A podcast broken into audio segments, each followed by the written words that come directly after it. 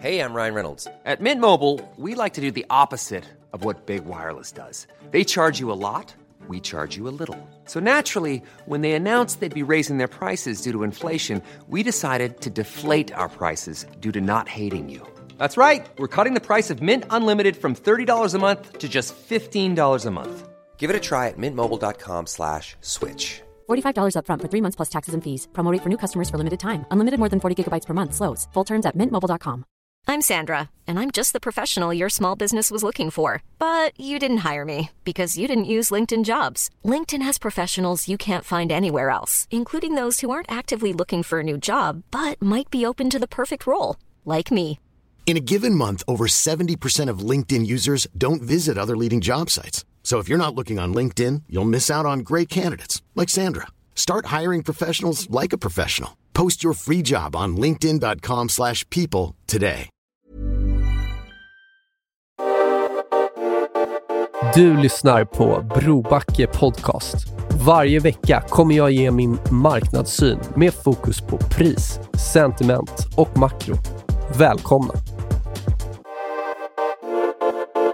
Avsnitt 60 av Brobacke Podcast är live. Idag gästas jag av Erik Strand, Mr Precious Metals i Sverige får vi ändå säga. AU AG-fonder.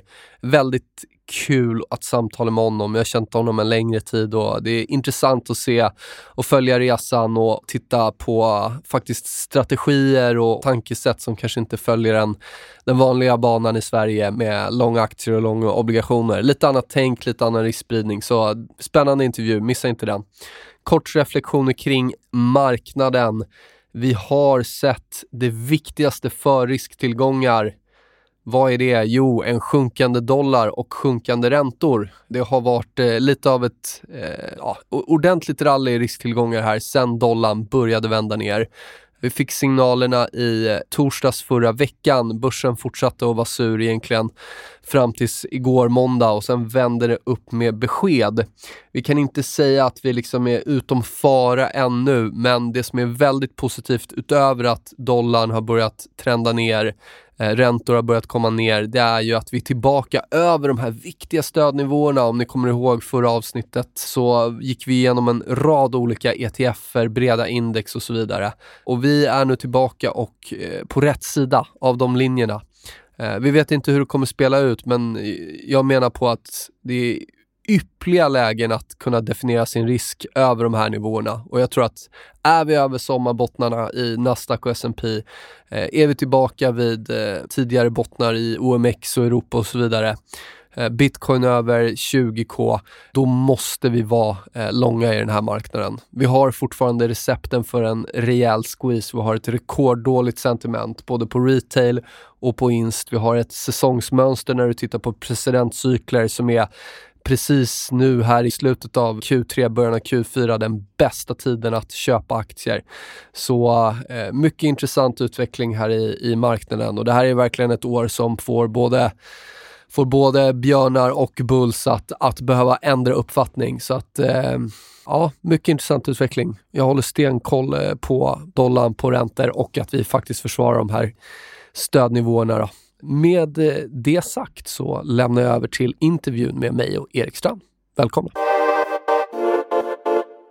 Sådär, då välkomnar jag Erik Strand från AU AG Fonder, Mr Precious Metals i Sverige. Eh, otroligt kul att ha dig här Erik i Brobacke Podcast. Välkommen!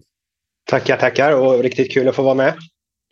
Du, jag, jag drar mig till minnes här när vi träffades för ett par år sedan. Vi hade ju setts innan det också, men jag, vid ett specifikt tillfälle vi satt nere på en takterrass i Göteborg och du berättade att du skulle eh, satsa och köra eget. Eh, och det har ju verkligen ja, det har gått ett par år sedan dess och det har hänt otroligt mycket. Eh, bara kort reflektera lite kring eh, den här resan sedan du drog igång dina egna fonder. Eh, hur, hur har det gått och hur känns det och vad ligger ni på för storlek idag i fonderna? Ja, nej, men det känns ju väldigt roligt efter att ha varit i finansbranschen i mer än 25 år nu. Så, eh, och sen började jag göra lite fonder de eh, sista, ja, vad blir det, eh, 12, 10 åren. Eh, men har gjort fyra fonder tidigare med två andra samarbetspartners att få starta ett helt eget varumärke. Det var väl finalen om man säger så, har börjat racet att få köra ett eget varumärke. Så det är riktigt, riktigt roligt. Och AUM och antal investerare har ju vuxit kraftigt. Vi var uppe i en och en halv miljard. Vi har gått ner lite för att marknaden har gått ner lite. Det som känns bra i år är ju att ja, vi har en fond som är kraftigt plus i år och en fond som är i och för sig minus men ändå bättre än börsen. Så det, det är ett bra år och vi har haft inflöden i år när det varit rekordutflöden från branschen i sig. Så att, eh, ja, en bra jag, jag noterade det, som du säger, båda fonderna har slagit börsen och den ena är faktiskt rejält på plus. Så det, det är verkligen hatten av där. Eh, riktigt snyggt. Om vi, om vi tittar på i, år, då, det, vi, vi, kan prata lite längre också sen, men, men vad är det som har förvånat dig mest i 2022? Alltså, man kan säga så här, alltså det som har förvånat oss är ja, inte positivt, men eh, vår andra fond, Precious Green, då, som är, är kraftigt plus i år, där, vi har ju pratat sedan 2019 om den här perfekta stormen eh, och för oss har det varit att eh, aktier kanske går upp 10 år, sen går de ner i tre år, eh, om man nu tittar rent genomsnittsmässigt. Medan obligationsmarknaden är bra i 30-40 år och sen är den kanske dålig i 10 år, om man pratar långa cykler. Och den perfekta stormen skulle betyda att när var, ja, var 40 år eller 30 år händer det här att båda går ner samtidigt.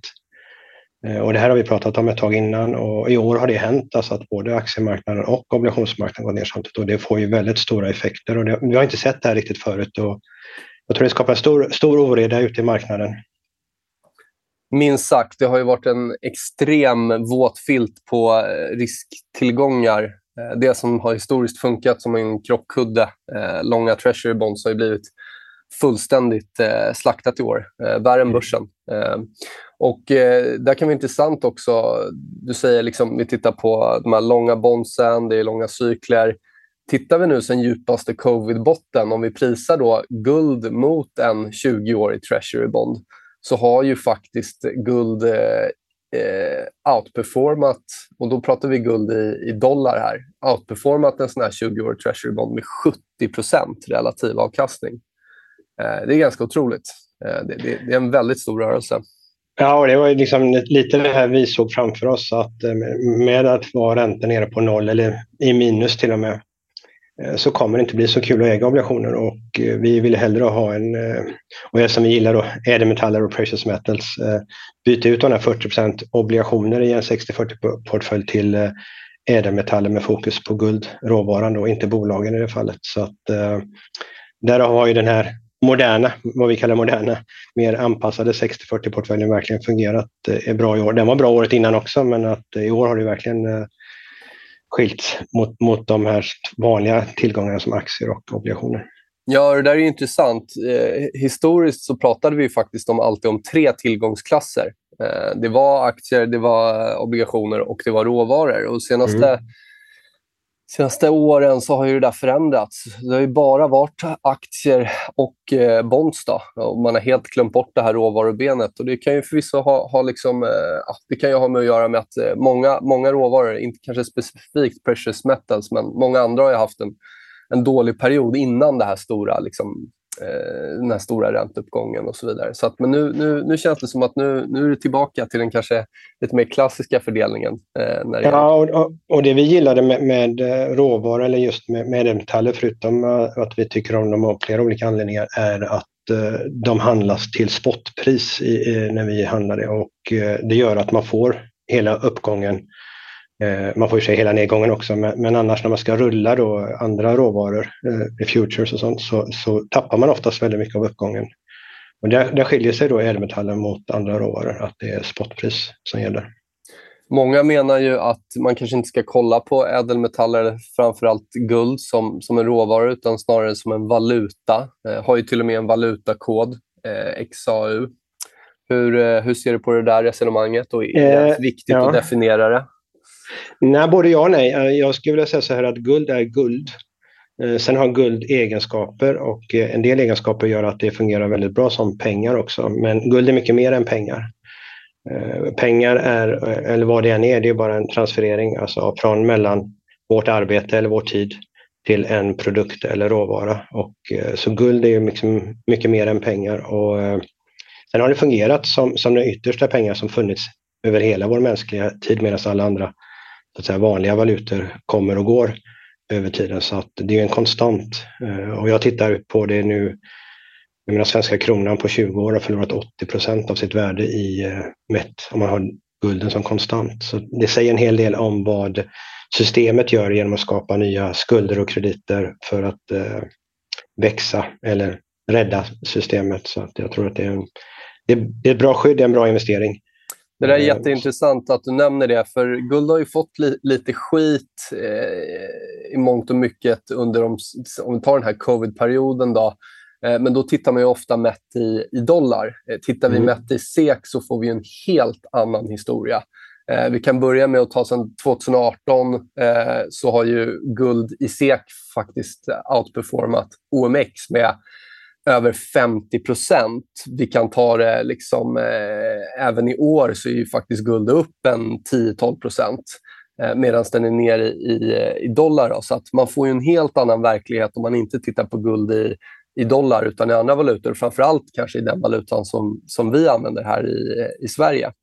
Ja, det är ju den som vi får avkastning i slutändan vad vi än köper. Och, eh, sen är det så att guld och guldmarknaden går ju före det som händer. Så att eh, guld, även i dollar om man tittar tre år, så har det gått upp ganska bra i dollar också. Och, och sen så kommer ju då förändringarna som har varit och då, då går det ju ner och nu luktar man ju redan så att säga när, när kommer man börja då backa? Vi trodde kanske att de skulle börja backa i, i december med, med räntehöjningarna. kanske blir lite senare. Marknaden försöker fiska fram det här. Och guld kommer ju reagera väldigt snabbt eh, och, och, då gå upp mer även i dollar. Och det är väl det alla väntar på. Just dollarn är väl den stora, eh, stora grejen. att Det har varit, förutom då råvaror eller guld, den enda bra traden nästan att vara lång dollar. Som jag ser det så är alla lång dollar och då kan det snart bara gå åt ett håll när alla ska börja, så att säga, eh, börja tro på vändningen att euron kanske blir starkare mot dollarn och valutahandlarna går åt det hållet och då, då får vi en resa neråt i dollarn. Och det är i och för sig bra för alla risk, risktillgångar som jag ser det. Verkligen. Det, jag menar ju på att det, det ju verkligen varit boven i dramat eh, hela det här året och, och med, med den starka dollarn. Och som du säger, nu har vi sett den, bara senaste, senaste dagarna här så, så har dollarn börjat komma ner och då ser vi direkt hur risktillgångar går på det. Och det, mm. det är lite av ett eh, kumbaya moment. Vi behöver liksom inte diskriminera utan precious metals går, krypto går, aktier går, allt vad risk går. Mm. Och tar vi nu eh, guldet, en bred ETF, GLD prissatt mot Spider, alltså S&P 500, då ser vi faktiskt att sen 20, ja, egentligen när global risk toppade då, då februari 2021, eh, så ser vi faktiskt att, att eh, även i dollar så handlas eh, GLD eh, högre relativt mot, mot breda index. Då. Och framförallt så är vi, eh, börjar vi bottna ur mm, liksom på, på, på en, liksom, man får anse en ganska, ganska viktiga nivåer. Um, hur tror du, hur tror du eh, liksom allmänhetens syn på guld eh, kan komma att förändras. För det, det, det, finns många missförstånd kring det och det, det, det är ändå en väldigt underägd eh, position i, i väldigt många eh, portföljer, får man ändå säga fortfarande. Ja, och det är ju alltså på ett sätt, alltså centralbanker äger ju väldigt mycket guld så de själva har ju det som försäkring mot, mot sina egna åtgärder om man säger så. Eh, och sen finns det ju utomlands många aktörer som äger väldigt mycket guld också. I Sverige är det ju underägt. Utifrån ett investerarperspektiv så är det väldigt eh, positivt, det vill säga att eh, du, kommer inte, du har inte så mycket att förlora och börjar du få lite rotation på kapitalet, det vill säga att eh, som du sa förut här att eh, man bör titta mer på råvaror nu när vare sig aktier eller obligationer är så givet. Eh, då får du stora, det byggs upp stora volymer i de marknaderna och eh, börjar de pengarna röra sig mot råvaror som är en lite mindre en stor marknad men en lite mindre marknad, eh, då får du stora, stora förändringar i, i priserna där. Så att det är en väldigt bra situation utifrån ett investerarperspektiv. Och sen i och med att vi ser hur hur oroligt det än är i världen. Vi ser problem i bankerna börja dyka upp. Eh, och även med dollarn, alltså dollarn är ju egentligen inte stark utan det är snarare så att alla andra valutor är riktigt eh, svaga. Jag menar, USA har ju mer underskott eh, och skulder än någonsin och deras, eh, alltså deras kostnad idag på, på sina egna skulder börjar ju sticka iväg. Så att eh, jag ser inte att dollarn är särskilt stark. USA går inte särskilt bra, eh, men kanske är, är den eh, minst dåliga i klassen bland de vanliga valutorna. Eh, så ja, det, det, det, det är lite mer så. Där blir det också, ja. tittar du på börsen så är ändå, om du tittar amerikanska aktiemarknaden, är ändå den dominanta. Eh, så, så, att eh, det är lite svårt där. Det, det, det eh... USA, ja, USA, det, USA, det har ju blivit så att USA är ju nummer ett och de vill ju vara nummer ett och eh, gör väl allt för att behålla så att säga, den maktpositionen som nummer ett. Och, eh, Sen ska man veta, som, som vi sa, guld här, guld omsätter lika mycket som hela S&P 500 i princip varje dag. Så att guld är en stor marknad mm. eh, och ingen liten marknad och ägs som sagt av de stora och viktiga spelarna. Och jag tror att det kommer bli väldigt många fler som kommer måste in, in i någonting för att om vi nu tittar pensionsfonder och så vidare, det här 60-40 med vanliga aktier och, och obligationer eller vilken modell de nu än har, får ju stora problem nu när de måste, ja, men de har alltid räddats av att börsen har gått så bra tack vare tryckta pengar.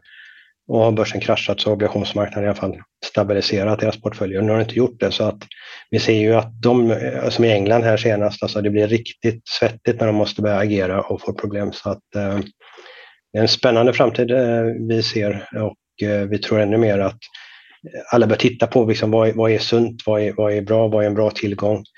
Eh, och sen ska man inte glömma att även även då när guld kan gå ner så kan det vara bland de bästa åren. Alltså för om guld går ner 5% och övriga marknaden går ner 30-40 eh, så kan man köpa mer relativt av den andra marknaden därefter. Så att det är inte alltid bra när guld går upp 15% om alla andra marknader går upp 40% De har egentligen tappat köpkraft eh, på sin, från sin guldposition. Så att det är väldigt mycket relativt man ska titta och inte, inte så mycket absolut. Tror jag. My mycket bra poänger. Life is full of what ifs. Some awesome, like what if AI could fold your laundry? And some, well, less awesome, like what if you have unexpected medical costs? United Healthcare can help get you covered with Health Protector Guard fixed indemnity insurance plans. They supplement your primary plan to help you manage out of pocket costs. No deductibles, no enrollment periods, and especially no more what ifs. Visit uh1.com to find the Health Protector Guard plan for you. There's never been a faster or easier way to start your weight loss journey than with PlushCare. PlushCare accepts most insurance plans and gives you online access to board-certified physicians who can prescribe FDA-approved weight loss medications like Wigovi and Zepbound for those who qualify. Take charge of your health and speak with a board-certified physician about a weight loss plan that's right for you. Get started today at plushcare.com slash weight loss. That's plushcare.com slash weight loss. plushcare.com slash weight loss. Du, apropå spännande framtid. Eh, silver har ju verkligen vaknat till liv här eh, senaste, mm. senaste tiden. Och eh, det där prisar du...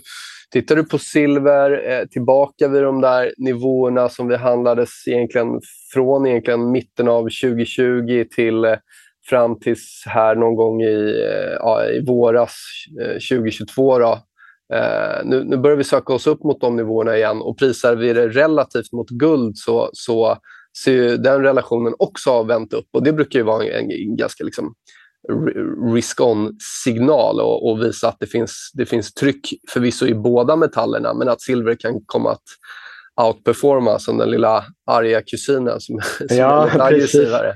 Alltså, det ser ju väldigt bra ut där. Ja. Eh, lite, lite, lite kring silver, för det är en, en av fonderna mm. har ju en väldig silvertilt, eller det är i ja. princip bara silverbolag. Så vad, vad är din syn på silver? Alltså silver eh, är ju väldigt, väldigt intressant. Dels som du sa, den här ration som när den börjar gå åt rätt håll för silver jämfört med guld. Eh, sen har vi silver och dess egenskaper då, både som en monetärt som guld men också industriellt. Alltså det är världens näst mest använda råvara för att det leder el och värme bättre än något annat. Så att, eh, silver används i, i, allt i princip. Små mängder men de behövs för att kunna göra en, en dator, telefon, en eh, bil. Och du behöver dubbelt så mycket silver, minst dubbelt så mycket silver än elbil som en vanlig bil vilket gör att alla de här trenderna, eller solceller, behöver silver. Så att alla de här trenderna vi ser driver silver och det finns inga lager. Det är tajt så att säga i, i, överallt. Och vad vi ser på just Comex också, den stora råvarubörsen i USA, så har nu de eh, skickliga spelarna, commercial storbankerna, tagit sig ur sina korta positioner och man har fått då eh, speculators, det vill säga retail och trendföljande fonder, att gå kort. Eh, och det vi såg nu här sist när det liksom gick upp 8% på en dag, det är ju när några så att säga, av de här speculators som inte är så starka då eh, måste köpa tillbaks.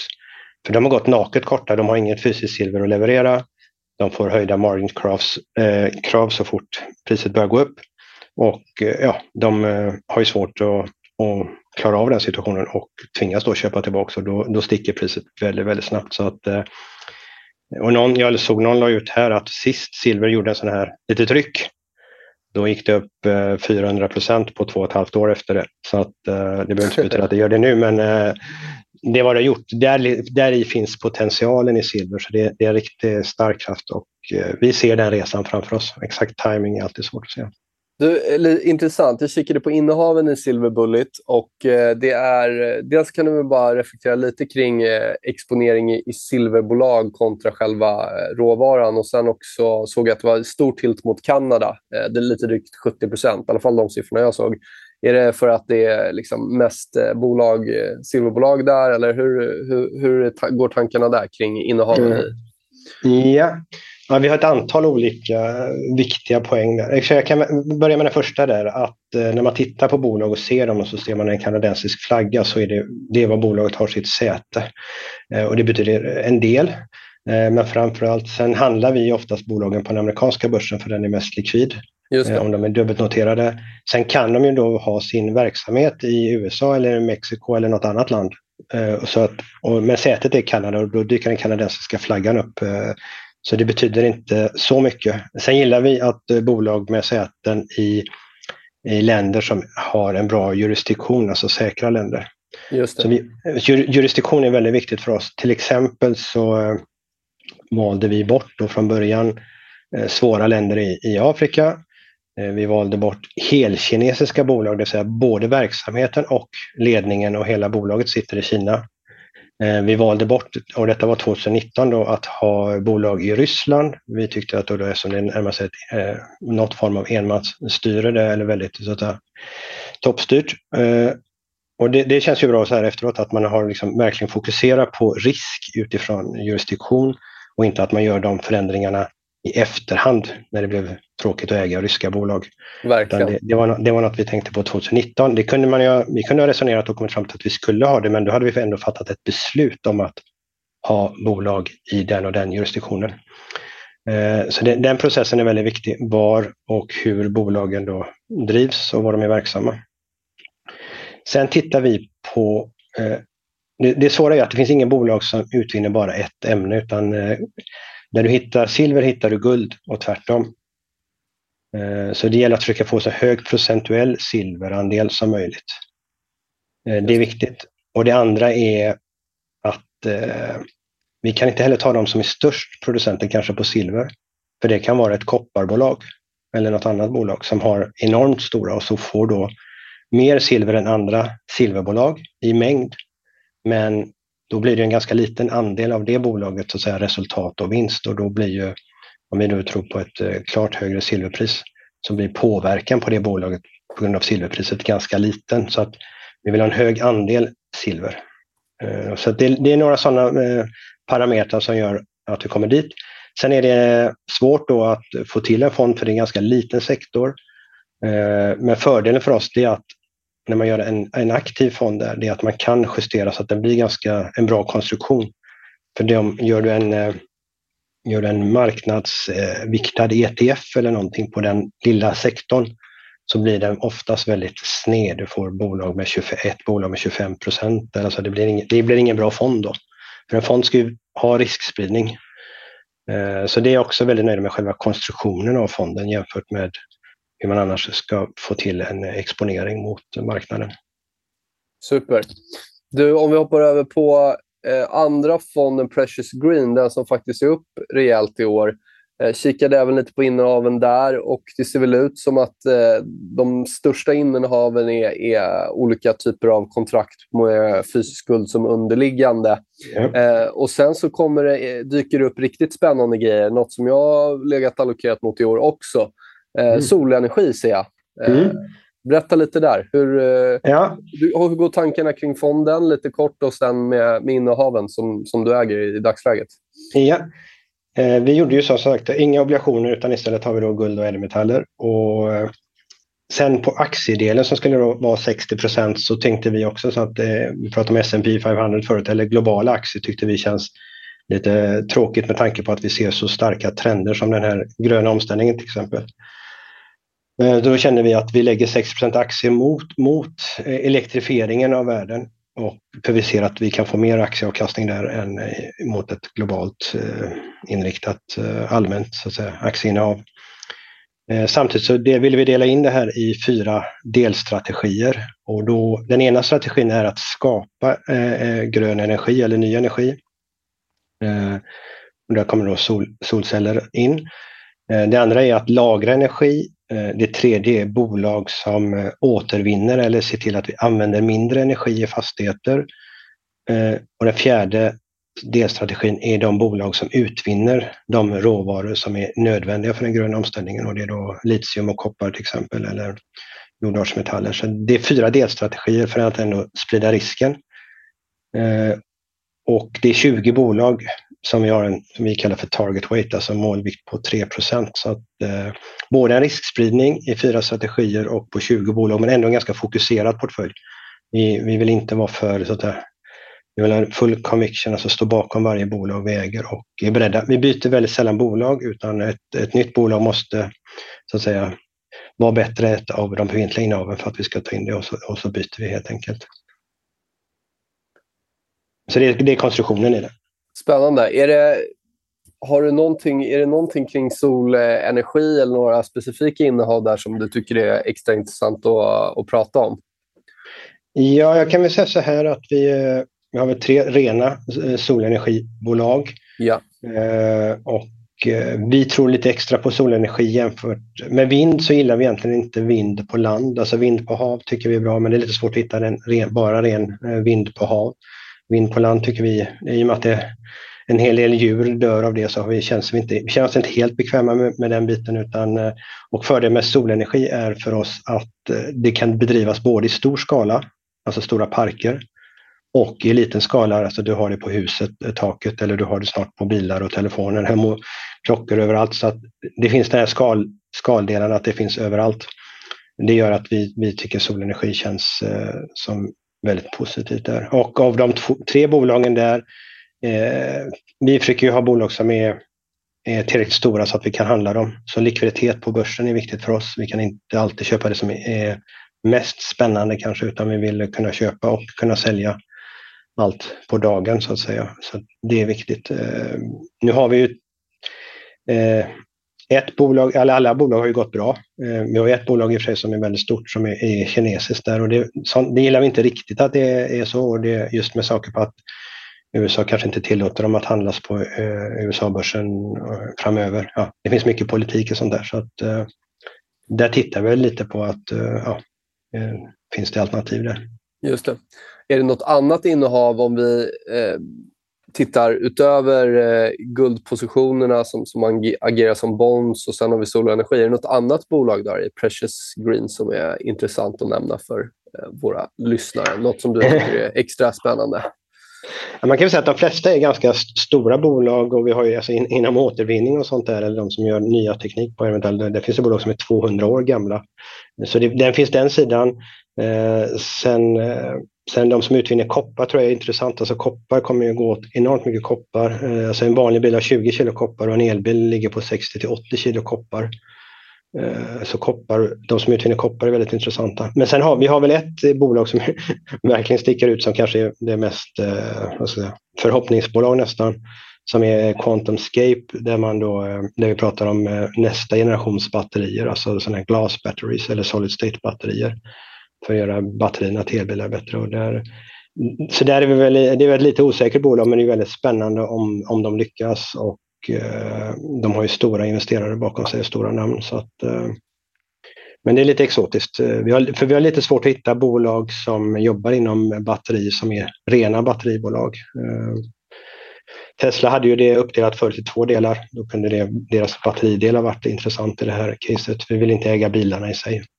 Just eh, Northvolt kan ju bli intressant om det skulle vara på börsen säger vi. Mm. Eh, men eh, Solid State eller Glass Battery som det heter som är, kommer bli nästa generations eh, batteri till elbilar är också väldigt spännande. Du, det låter väldigt intressant måste jag säga. Ska vi också hinna med här innan vi avslutar, bara kort prata lite kring, ni har, du har ju faktiskt lanserat en ETF också. Precis, eh, och det är ju väldigt, väldigt spännande. Ja, vi gillar ju nyskapande, vi gillar ligga lite före och inte följa, följa efter branschen utan före branschen. Och eh, i Sverige finns det nästan inga ETFer utan de enda är ju exakt så att säga svenskinriktade ETFer. Så att, att försöka driva upp en eh, ETF som har en global marknad, även om det är vår sektor då, eh, som ingen annan i Sverige har gjort. Det, det, känns väldigt spännande. Men det är en utmaning och Eh, Eh, det är svårt, eh, eftersom Sverige är inte så stora på ETFer, eh, så är det lite svårt att driva det i Sverige. Men vi siktar ju på Europa här och det är det som är spännande att den, den handlas ju på alla stora börser. London, Frankfurt, Paris, Milano och Zürich. Vi försöker faktiskt att få till en, en svensk notering också men det, det, är väldigt svårt för det är svårt att få till bra market makers i, i Sverige på den marknaden. Så det är lite tråkigt att Sverige är så stora på vanligt fondsparande men, men eh, långt efter när det gäller börshandlade fonder. I USA är det väl 50-60 procent av marknaden som är börshandlade fonder. Så att, eh, vi kanske ligger lite tidigt i, i den kurvan men eh, som sagt vi gillar att vara, var, var tidiga och ETFen i sig är en riktigt bra modern eh, ETF på Gold Miners. Eh, finns ju på de flesta plattformar att handla. Eh, de eh, svenska plattformar som är kopplade till Exetra i Tyskland har det ju lättast att, att handla ETFen. Är det eurodenominerad eller? Den finns då i, alltså grundvalutan är alltid dollar och sen så finns den då i euro, eh, pund och schweizerfranc i dagsläget. Just det. Vad men tror... euro blir det för svenska investerare så blir det euro, men avkastningen, om man tittar i kronor sen på sitt konto så blir avkastningen i kronor då även om man handlar den i euro. Så det Just påverkar det. inte, det är ingen valuta, man får inte mer eller mindre valutapåverkan för att man handlar i euro, men eh, den går via euro så att säga på svenska ja, konton om man handlar på sina depåer. Och den, fanns, du sa den finns på, på nätmäklarna och du såg att du även hade fått in det hos någon, eh, några eh, CFD-mäklare också, var det så? Eh, ja, det stämmer. Ja. CMC har också, precis. Ja. ja men du, eh, Erik, eh, alltid intressant att prata med dig. Kul att höra att, eh, att allting går åt rätt håll. Eh, får ju verkligen säga att ni ligger i framkant när det gäller att titta på nya strategier och nya produkter. Och som du säger så tror jag att det är bra att det rörs om lite i grytan där ute från allt eh, långaktier och långobligationer. Det, det behövs lite alternativ för investerare? Ja, det blir, det, det blir spännande och det, det, gör att eh, även investerare till slut börjar titta på saker och investera. Alltså, jag tror det är viktigt att investerare får liksom hämta lite kunskap, intresse, passion för det hela så att man inte hamnar i någon eh, alltför tråkig robot där ute och, liksom, och tar avstånd från sitt egna sparande. Utan jag tror att ett engagemang och eh, även sådana här små svåra perioder tror jag i slutändan, även om de flesta vill blunda och inte se, kanske öppna sina depåer. Men någonstans så öppnas eh, vyerna att man kan inte bara ligga still och inte göra någonting utan att man måste vara lite med i matchen också. Verkligen. Du, eh, jag tycker vi avrundar med de orden. Erik Strand, AU AG Fonder. Stort tack för att du ville komma hit till Brobacke Podcast. Tackar, tackar. Ha det gott du. Tack. Hej. Tack.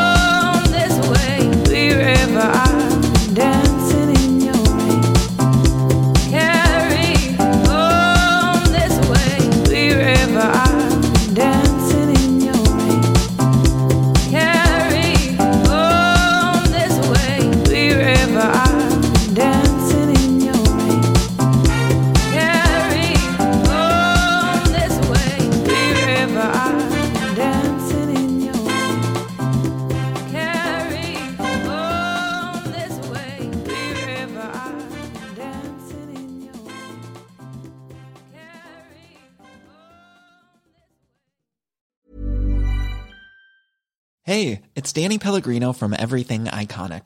Ready to upgrade your style game without blowing your budget? Check out Quince. They've got all the good stuff shirts and polos, activewear, and fine leather goods, all at 50 to 80% less than other high end brands. And the best part? They're all about safe, ethical, and responsible manufacturing. Get that luxury vibe without the luxury price tag. Hit up quince.com slash upgrade for free shipping and 365 day returns on your next order. That's quince.com slash upgrade.